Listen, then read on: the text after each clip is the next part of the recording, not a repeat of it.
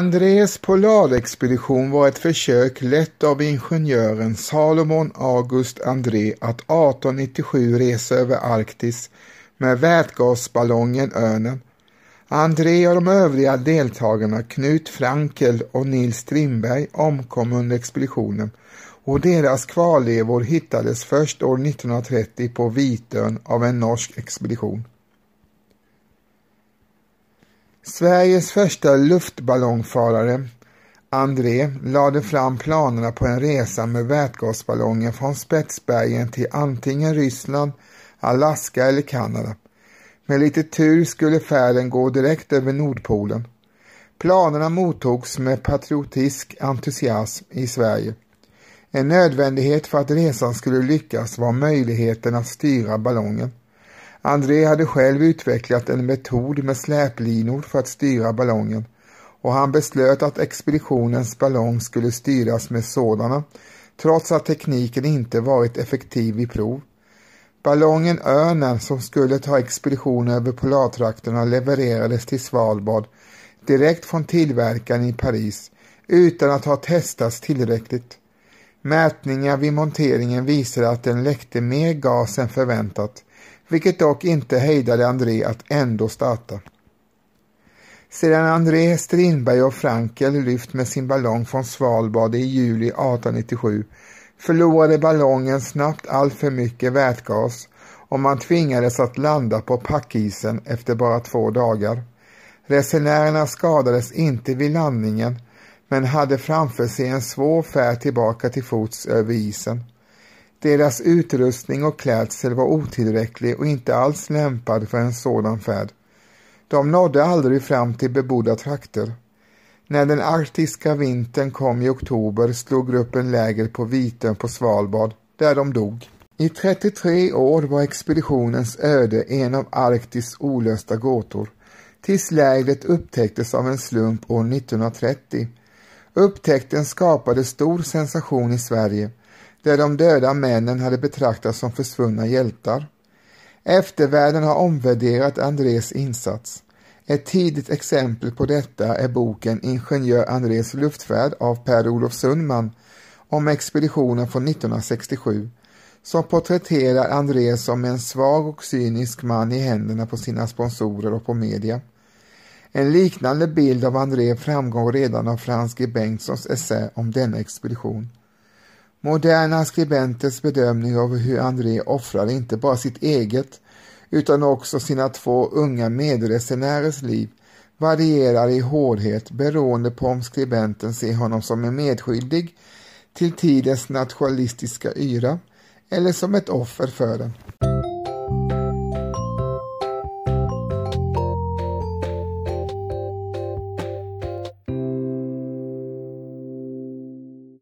1800-talets andra hälft har ofta kallats de heroiska polarupptäckternas tid.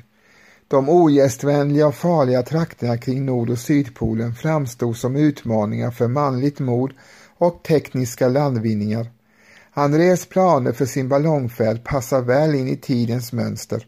Han tänkte att den skulle börja på Svalbard, gå över Norra ishavet till Beringssund för att landa i antingen Alaska, Kanada eller Ryssland sedan resenärerna passerat nära eller rakt över Nordpolen. André var ingenjör på Kungliga Patentbyrån i Stockholm och var mycket fascinerad av luftballonger. År 1893 köpte han en egen luftballong, Svea.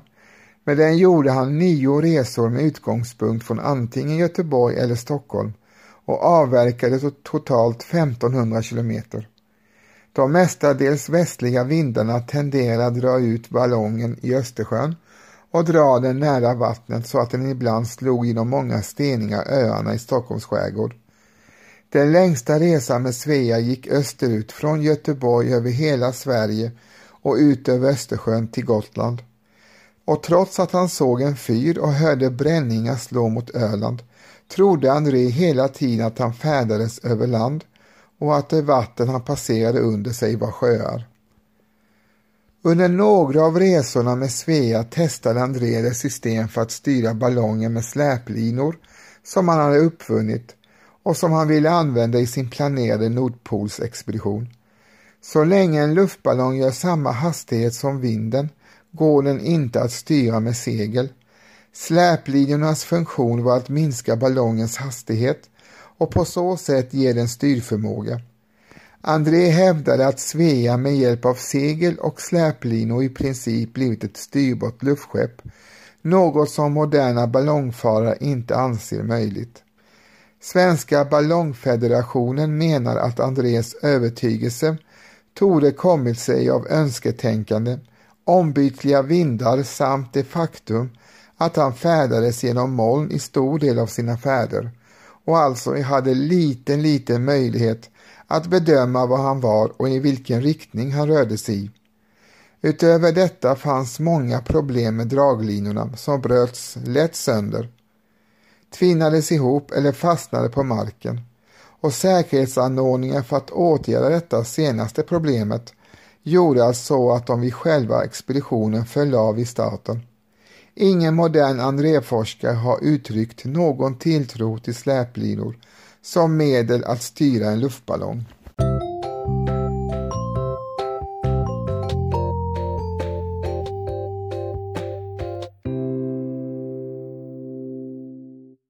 Till skillnad från Norge, som då var i union med Sverige, som gjort stora framryckningar i tävlingen mot Polen i och med sin stora polarupptäckare Fridtjof Nansen hade Sverige vid sidan av Adolf Erik Nordenskiölds forskningsresa 1878 till 1880 genom Nordostpassagen inte något att visa upp som rörde direkta polarfärder. Den svenska politiska och vetenskapliga eliten var angelägen om att få se Sverige gå i täten bland de skandinaviska länderna. André var en övertygande talare och hade i detta klimat inga svårigheter att få stöd för sina planer. Han höll en föreläsning den 13 februari 1895 för Kungliga Vetenskapsakademin och för Svenska sällskapet för antropologi och geografi och fick stort gensvar bland publiken. I denna föreläsning förklarade han att en upptäcktsresa till Nordpolen med luftballong krävde fyra egenskaper hos ballongen. Tillräcklig lyftkraft för att bära tre personer och all deras vetenskapliga och övriga utrustning, vilket han beräknar till tre ton. Tillräcklig täthet för att behålla gasen så att den kunde hålla sig flygande i 30 dagar. Vätgasen måste tillverkas och ballongen måste fyllas vid uppstigningsplatsen i polartrakterna och den måste i någon mån vara styrbar.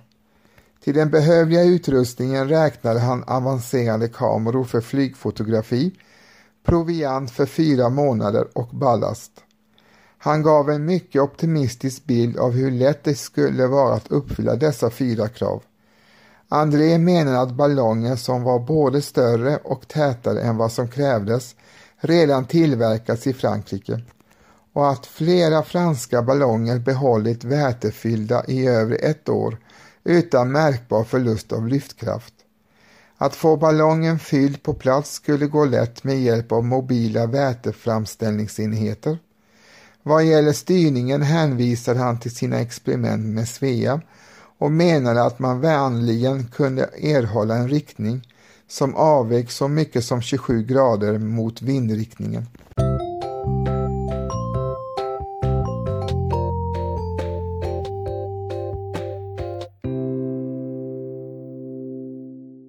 Även internationellt väckte projektet avsevärt intresse.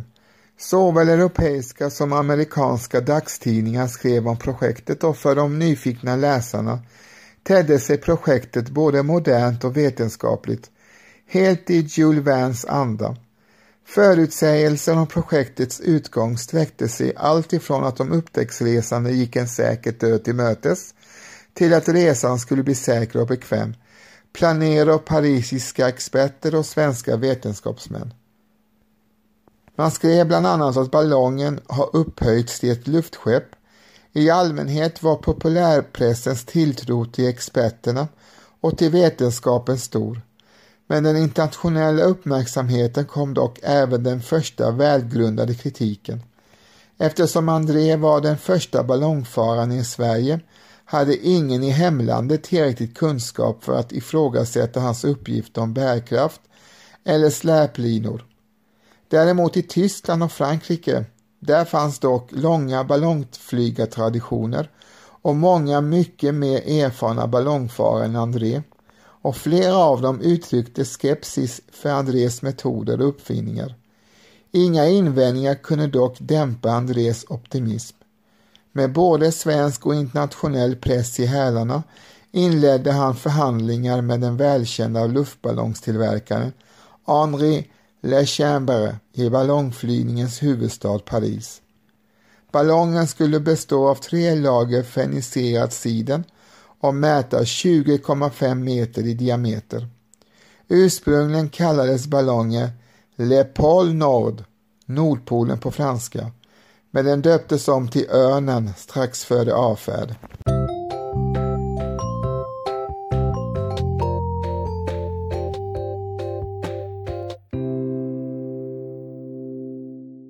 André planerade att avresa 1896 och hade många villiga kandidater till de få platserna som expeditionsdeltagare. Han valde Nils Ekholm som var erfaren i arktisk meteorologi och som varit hans chef under den första internationella polaråret 1882-83 och den lysande studenten Nils Strindberg som forskade i fysik och kemi. Resans huvudsakliga syfte var att kartlägga området genom flygfoto och Strindberg var såväl en hängiven amatörfotograf som en skicklig konstruktör av avancerade kameror. Expeditionen fick på detta sätt tillgång till vetenskaplig och teknisk kunskap på flera områden, men dess medlemmar var inte valda för fysiska egenskaper och tränades inte heller för överlevnad under extrema förhållanden. Alla tre var inomhusmänniskor och den enda av dem som var ung var Strindberg. André förväntade sig en stillsam resa i ballongens korg så styrka och förmåga att klara umbäranden var ingenting han prioriterade. Moderna bedömare är alla eniga om att Andrés Nordpolsexpedition var helt orealistisk. Han förlitade sig på att vindarna skulle blåsa mer eller mindre i den riktning han ville färdas på möjligheten att korrigera riktningen med sina släplinor, att ballongen skulle vara tillräckligt tät för att kunna flyga i 30 dagar och att ingen is skulle fastna på ballongen och tynga ner den.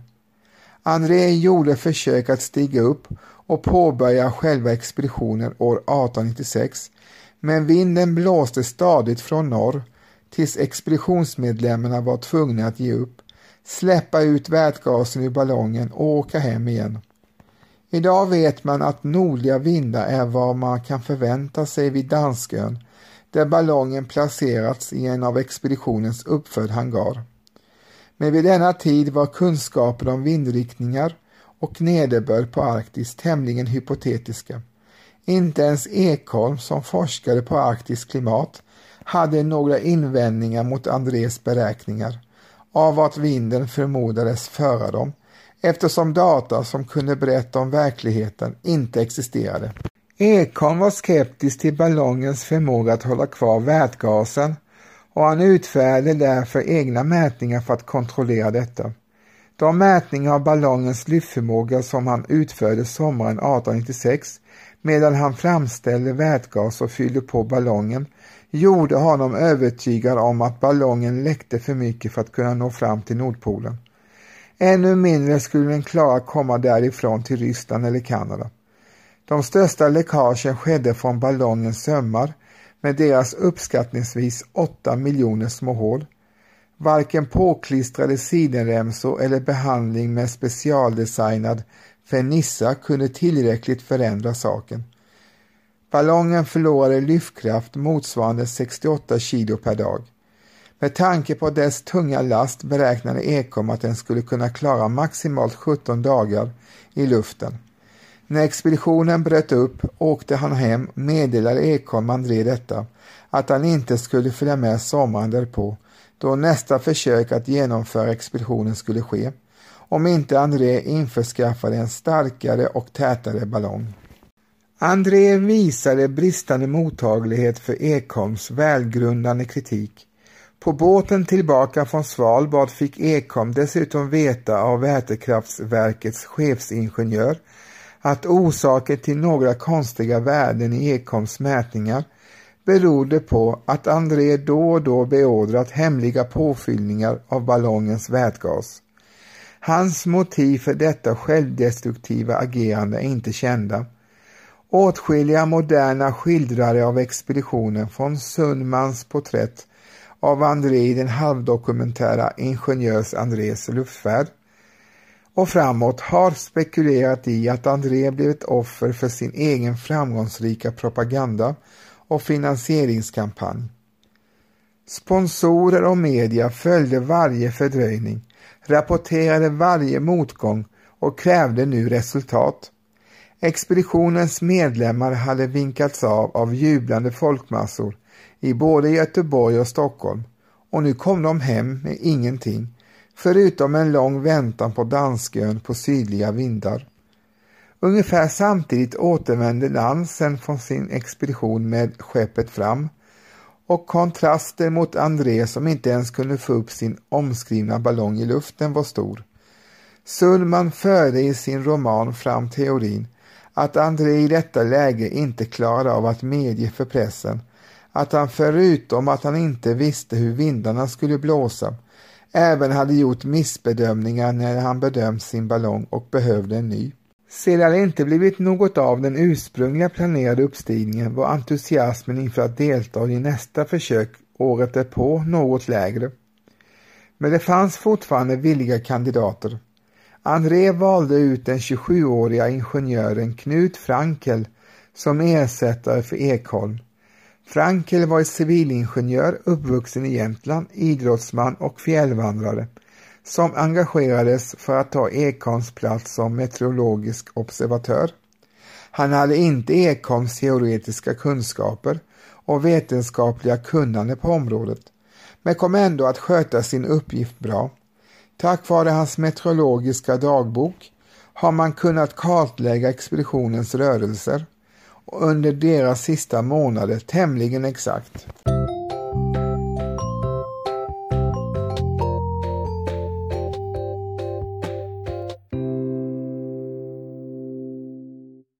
När expeditionen återvände till Dansken sommaren 1897 fann de hangaren som byggts året innan i gott skick. Vindarna var mer gynnsamma än året innan och Andrés ledarskap mer absolut sedan den kritiska Ekholm ersatts. Den 11 juli kom en stadig vind från sydväst och expeditionens medlemmar beslöt att lyfta. Hangarens översta del togs bort. De tre upptäcktsresande klev in i korgen och André diktade en telegram till kung Oscar II samt ett annat telegram till Aftonbladet. De många expeditionsdeltagare som stannade på marken högg av de sista av de rep som höll ballongen på marken och ballongen steg sakta upp i luften. När den rörde sig ut mot vattnet drog släplinornas friktion mot marken ner ballongen så lågt att korgen doppade i vattnet. Friktionen fick även släplinorna att snurra runt vilket fick till konsekvens att de lossnade från sina skruvfästen. Det sistnämnda var en säkerhetsdetalj för att kunna göra sig av med släplinor som fastnat på marken, som André motvilligt låtit sig övertalas att lägga till. De flesta av dem skruvades ur redan nu och ballongen tappade 530 kilo rep. Samtidigt slängde resenärerna ut 210 kilo sand för att få ut det havsvatten som kommit in i korgen så 740 kilo last förlorades under de allra första minuterna. Innan örnen avlägsnat sig från uppstigningsplatsen hade den förvandlats från en förhoppningsvis styrbar luftfarkost till en vanlig vätgasballong med några rep släpande efter sig. Helt utlämnad till vindarna utan någon möjlighet att styra och med alldeles för lite ballast. Den lättade lasten medförde att ballongen steg till 700 meters höjd vilket inte hade planerats för. På den höga höjden bidrog det lägre lufttrycket till att vätgasen förlorades snabbare än annars. Resenärerna hade två sätt att nå fram till omvärlden, bojar och brevduvor. Bojarna bestod av stålcylindrar inneslutna i kork och var menade att släppas från ballongen på vattnet eller på isen och föras till civilisationen av havsströmmarna.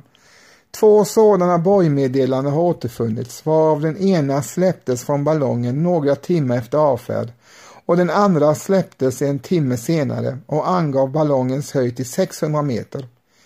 Tidningen Aftonbladet hade försett expeditionen med de brevduvor som var med i ballongen. Dessa hade fötts upp i norra Norge i förhoppningen att de skulle kunna återvända dit över havet.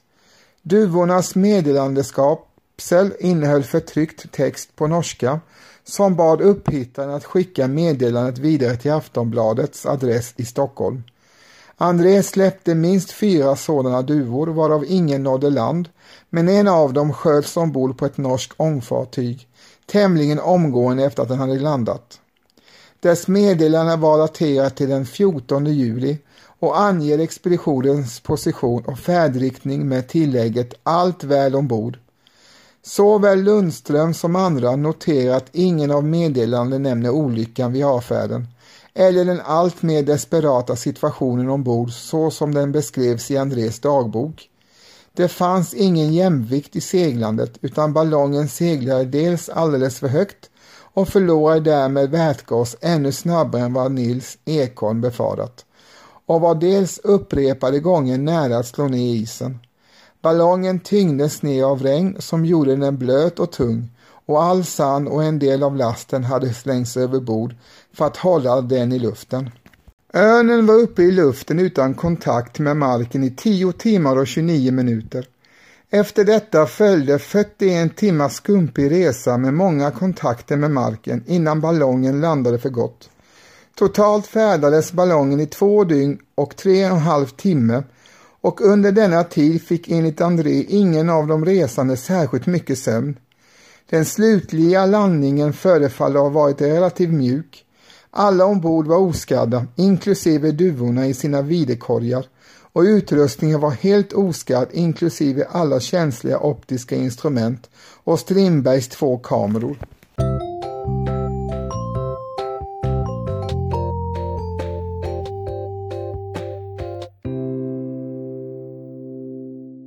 Sedan expeditionen hamnat på marken blev Strindbergs högt specialiserade kartografiska kamera istället ett medel för att dokumentera expeditionens dagliga liv i islandskapet.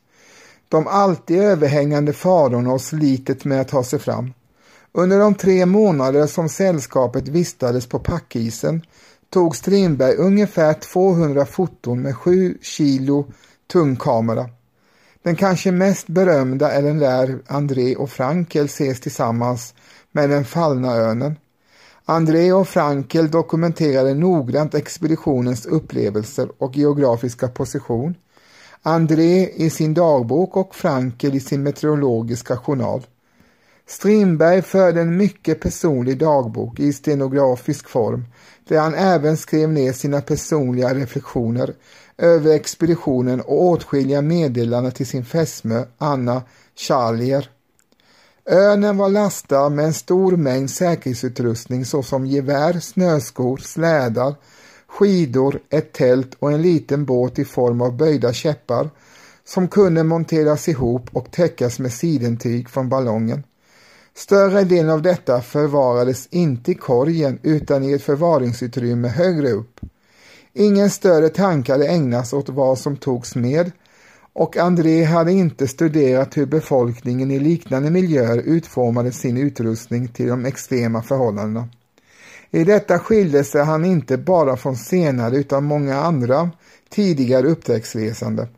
Lundström pekar på hur oerhört mycket tyngre färden blev än nödvändigt eftersom de stela kläder som André utformat för expeditionen utan tanke på hur inuitiernas lära såg ut var så opraktiska för den svåra terrängen med dess kanaler som åtskilde isflanken, höga vallar och delvis överfrusna vattenpölar på isen.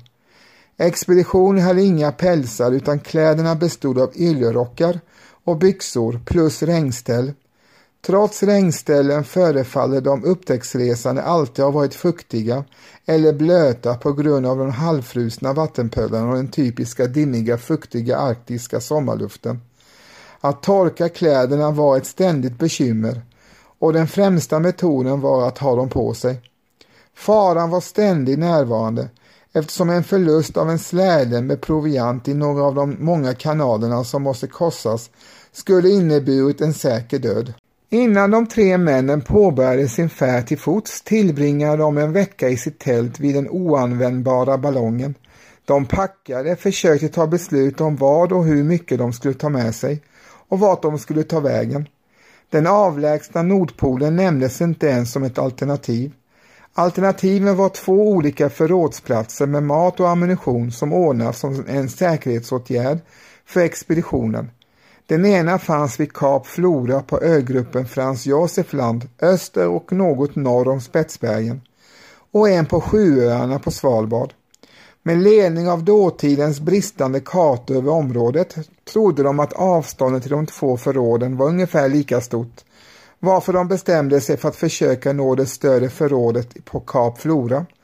Under denna vecka fotograferade Strindberg mer än under den kommande färden.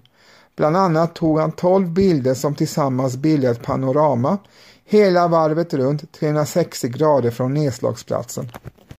Det fanns stora matförråd ombord på ön, dock av en sort som mer lämpade sig för ballongfärd än fotvandring. André hade resonerat att det gick lika bra att ersätta en del av sandballasten med mat och om nödvändigt slänga proviant över bord för att göra ballongen lättare. Om detta inte behövts och expeditionsmedlemmarna trots allt skulle bli tvungna att övervintra i Arktis skulle maten behövts.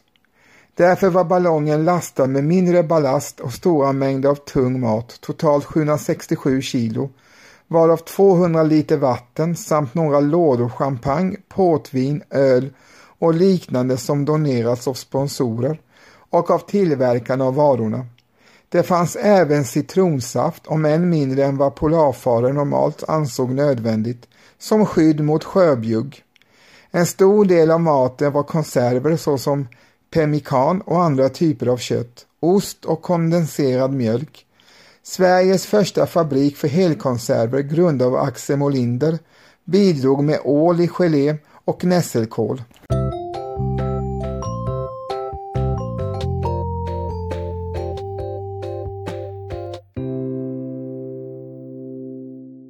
En del av maten hade slängts över bord som ballast. Av det som var kvar tog de tre männen med sig större delen när de lämnade nedslagsplatsen. Kvar lämnade de ett tält, gevär, ammunition och köksutrustning. Varje släde fick mer än 200 kilos last. Detta var inte realistiskt och slädarna gick sönder under den stora tyngden och det tröttade också ut männen som drog dem. Efter en vecka lämnade de en stor hög med mat och annan mindre utrustning som bedömts som inte nödvändigt bakom sig, så att varje slädlass minskades till 130 kilo. Det blev nu än mer nödvändigt än tidigare att jaga för att få mat. Under hela marschen sköt de åt främst isbjörnar, men även valrossar och andra sälar. Vandringen mot Frans Josefs land påbörjades den 22 juli Expeditionens medlemmar fann snart att kampen mot de ibland två våningar höga isvallarna knappast förde dem närmare målet. Isen drev dem i motsatt riktning så att de färdades bakåt. Efter en lång diskussion bestämde de sig den 4 augusti för att istället sikta på Sjuöarna istället i sydväst. Med hjälp av strömmen hoppades de nå förrådet efter sex eller sju veckors fotvandring. Terrängen i denna riktning var extremt svår och ibland fick vandrarna krypa på alla fyra. Ibland erbjöds dock en lättnad i form av öppet vatten, där den lilla båten, som inte utformats av André, uppenbarligen var ett funktionellt och säkert fortskaffningsmedel, och släta platta isflak. Paradiset, skrev André, stora släta isflak med sötvattensdammar fulla av saft och vatten samt här och där en ung isbjörn med mött kött. Nu kom det en avsevärd bit framåt, men snart vände vinden igen och de fördes återigen bakåt, bort från Sjuöarna. Under veckorna som följde växlade vinden mellan sydväst och nordväst, vilket de förgäves försökte kompensera genom att styra sin egen kurs allt rakare västerut. Det blev emellertid uppenbart att Sjuöarna var utom räckhåll. Den 12 september bestämde sig resenärerna för att de måste övervintra på isen. De slog läger på ett stort isflak och lät isen föra dem vart den ville utan att försöka påverka kursen. Medan de snabbt drev söderut mot Vitön byggde de ett vinterhus på isflaket mot den tilltagande kylan med väggar av snö som härdats med vatten enligt Strindbergs ritningar. När André såg hur snabbt de drev skrev han ner ett hopp om att de skulle kunna komma tillräckligt långt söderut för att kunna livnära sig enbart från havet. Den 2 oktober började dock isflaket som pressades mot Vitön att gå sönder, direkt under ishyddan och expeditionsmedlemmarna tvingades att föra över sina förråd till själva ön, vilket tog några dagar. Denna dag skrev André den sista delen av den logiskt sammanhängande delen av sin dagbok. Ingen har förlorat modet. Med sådana här kamrater bör man kunna reda sig under snart sagt vilka omständigheter som helst. På grundval av de osammanhängande och svårt skadade sista sidorna i Andrés dagbok tror man att alla tre män dog bara inom några få dagar efter att de förflyttat sig till ön.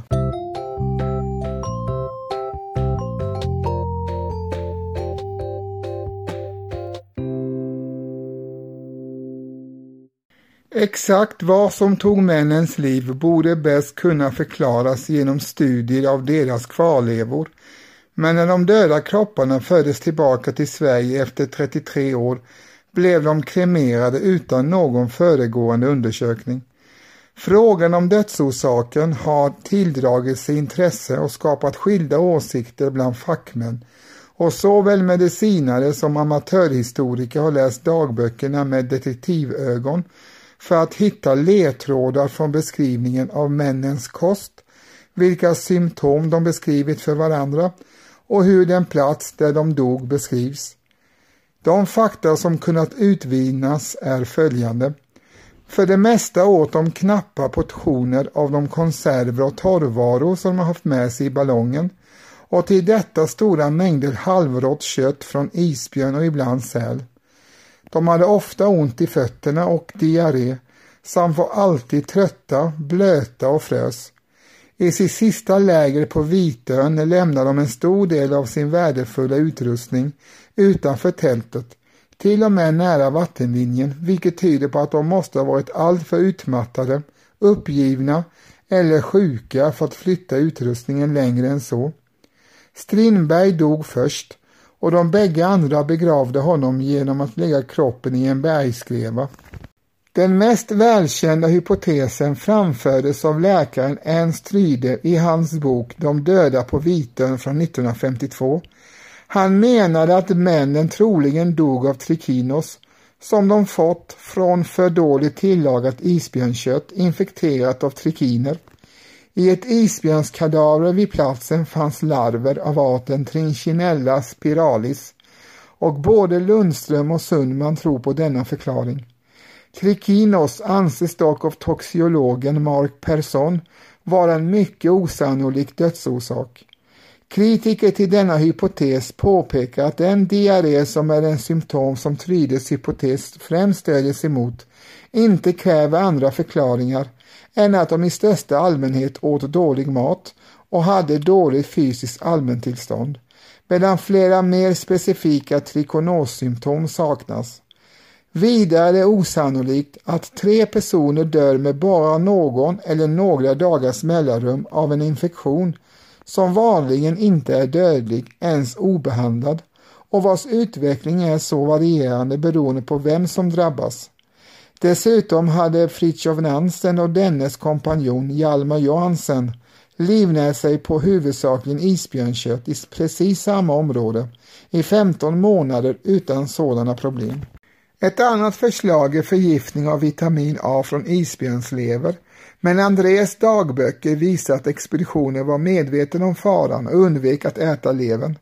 Teorin om kolmonoxidförgiftning har inte många anhängare, eftersom sällskapets primuskök hittades avstängd med fotogen kvar i brännaren. Andra teorier är blyförgiftning från konservburkarna, sjöbjugg, självmord med hjälp av det opium de hade med sig, överfall av isbjörn, att de frös ihjäl och vätskebrist i kombination med allmän utmattning och apati. Källström tror mest på den sistnämnda teorin och påpekar att Tryde inte tänkt på hur deras kost såg ut i sin bedömning samt vilket slag det måste ha varit när deras vinterhem på isflaket måste överges för en överisad ö och menar att det inte var förvånande att de dog utan snarare att de klarade sig så länge. Person skriver år 2000 att botulism, en svår matförgiftning som orsakas av bakterietillväxt i mat, är den mest sannolika dödsorsaken. Denna teori kan förklara att alla tre dog kort efter varandra. Att André och Frankel inte orkade begrava Strindberg ordentligt och att André inte förmådde skriva om dödsfallet i sin dagbok. Det sistnämnda på grund av muskelförsvagning eller synrubbningar. Botulism orsakar även ljuskänslighet, vilket skulle förklara det faktum att man fann solglasögon vid Frankels huvud, trots att solljuset är svagt i polarområdena i oktober. Läkaren Bea Usman, som i över tio år har forskat i André-expeditioner, lägger fram nya rön i sin bok Expeditionen, min kärlekshistoria från 2013. Bland annat har Osma undersökt delar av Strindbergs kläder som bärgas från Vitön. Både långkalsonger och kavaj bär spår av revor som med stor sannolikhet orsakas av ett isbjörnsangrepp. Osma har också visat att den lägerkarta som ritades vid återfinnandet och som legat till grund för att spekulationer om att André och Frankel dött tillsammans inne i tältet inte varit korrekt. Enligt Osma är det enbart Frankel som har dött inne i tältet. André har avlidit sittande på en klippavsats precis ovanför tältet. Andra bevis som Osma hittat såsom placering av vapen och morfinbehållare tyder på att Frankel dött inne i tältet. Osma tar i sin bedömning av dödsorsaker för Frankel och André på sidorna 360-307 ej ställning till om morfintabletter kan ha använts som sömnmedel som ger en djup sömn så att man lätt kan frysa ihjäl eller eventuellt som självmordsmedel. Hon gör heller inte någon bedömning av i vilken ordning de båda männen dog. Sakunderlag för en sådan bedömning saknas.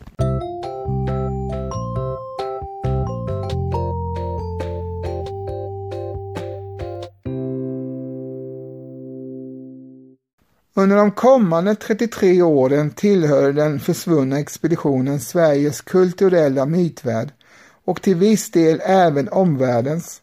I några år sökte man aktivt efter dem, men även sedan detta avklingat förblev expeditionen föremål för myter och rykten med regelbundna internationella tidningsrapporter om möjliga spår av de försvunna. Ett utförligt aktivt nyhetsklipp från USA från 1896 till 1899 betitlat The Mystery of André visar att ett större medieintresse för den försvunna expeditionen än innan den gav sig av. Mängden föreslagna öden är stor och uppslagen kommer från fynd eller rapporter om sådana. Återstoden av vad som kan ha varit en ballongkorg, stora mängder ballongsilke, historier om människor som trillat ner från himlen eller medier som såg den strandade ballongen långt från den plats där den faktiskt fanns. Lundström skriver att en del rapporterna liknar moderna klintbergare och att de avspeglar den bristande respekten för Arktis egna befolkning. De skildras ofta som vildar som antingen dödar de tre männen eller är likgiltiga för deras svåra belägenhet. År 1930 blev det ett slut på dessa spekulationer då besättningen på det norska skeppet Bretvag råkade upptäcka expeditionens sista läger. Bratvag var ett sälfångsfartyg från Ålesund i Norge som den 5 augusti 1930 var på jaktexpedition i närheten av Vitön. Fartyget hade även en vetenskaplig expedition ledd av doktor Gunnar Horn ombord som skulle studera Svalbards skärgårdsglaciärer och sjöar. Tidens sälfångst och valfångstfartyg kunde i allmänhet inte nå Vitön eftersom den normalt omgavs av ett brett polarisbälte och dessutom ofta gömdes av täta dimmor. Sommaren 1930 hade dock varit ovanligt varm och det omgivande havet var därför så gott som isfritt. Vitön var känd som ett bra ställe för jakt på valross och eftersom dimman över ön var ovanligt tunn tog en del av Brattvaks besättning tillfället i akt att gå i land på vad de kallat den onåbara ön. Två av säljägarna, Olav Salen och Karl Tusvik, som sökte efter vatten hittade expeditionens båt nära en liten bäck.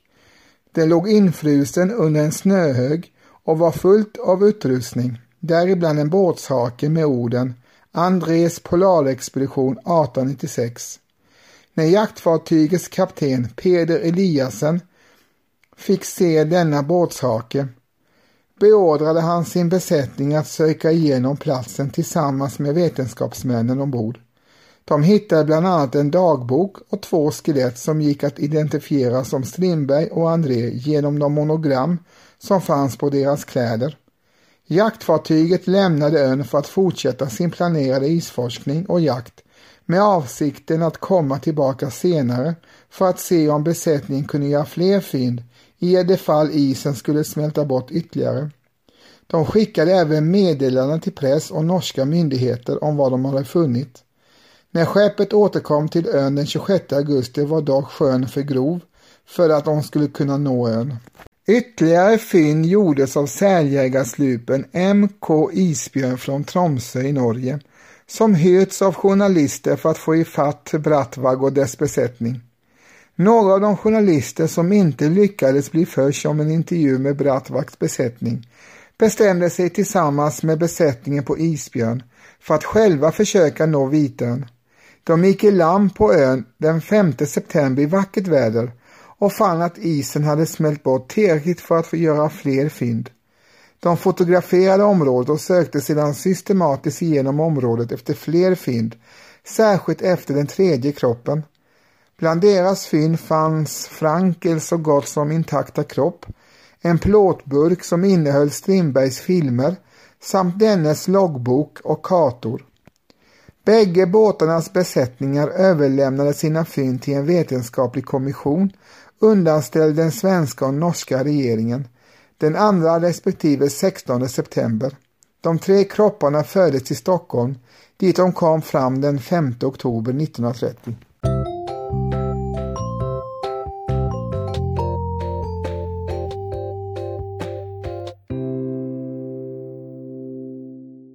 Vid den tid då expeditionen begav sig var Andrés vågade projekt något som närde nationell stolthet och dröm om att Sverige skulle inta en ledande plats vad gällde det vetenskapliga utforskandet av Arktis. André benämndes i allmänhet ingenjör André och speglade den tidens höga tanke om ingenjören som en representant för social förbättring genom vetenskapliga framsteg. De tre upptäcktsresande hyllades när de reste och sörjdes av nationen när de försvann. När de hittades hyllades de för de hjältemod som deras två månader långa kamp för att nå bebodda trakter visade och de såg som osjälviska offer på vetenskapen och framgångens altare. Den svenska historikern Sverker Sörlin skriver om kropparnas hemkomst att det måste ha varit en av de mest högtidliga och storslagna uttryck för nationell sorg som någonsin förekommit i Sverige och nämner sorgen som följde på Estlandsfärjan MS Estonias förlisning 1994 som en motsvarighet. I mer modern tid har Andrés heroiska motiv ifrågasatts. Först ut var Per-Olof Sundmans bästsäljande halvdokumentära roman från 1967, Ingenjör Andrés luftfärd, i vilken André skildras som ett offer för kraven från media och från den svenska vetenskapliga och politiska etablissemanget och som en man driven av sin rädsla snarare än sitt mod.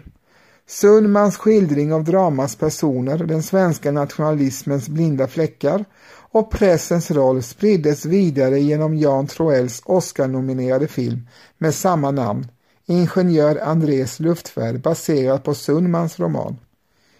Nils Strindbergs roll i expeditionen har efterhand omvärderats vad gäller den tapperhet med vilken den fysiskt otränade och dåligt förberedda studenten fortsatte att fotografera under vad som måste ha varit ett mer eller mindre permanent tillstånd av nära kollaps, av utmattning och köld.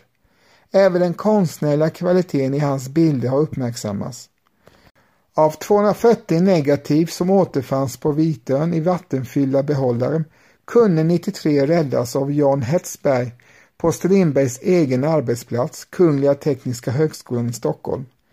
I sin artikel Recovering the Visual History of the Andrew Expedition A Core Study in Photographic Research från 2004 beklagade Tyrone Martinson det traditionella fokus som tidiga forskare lagt på de skriftliga källorna, dagböckerna och pekade på fotografierna som viktiga primärkällor med historisk betydelse.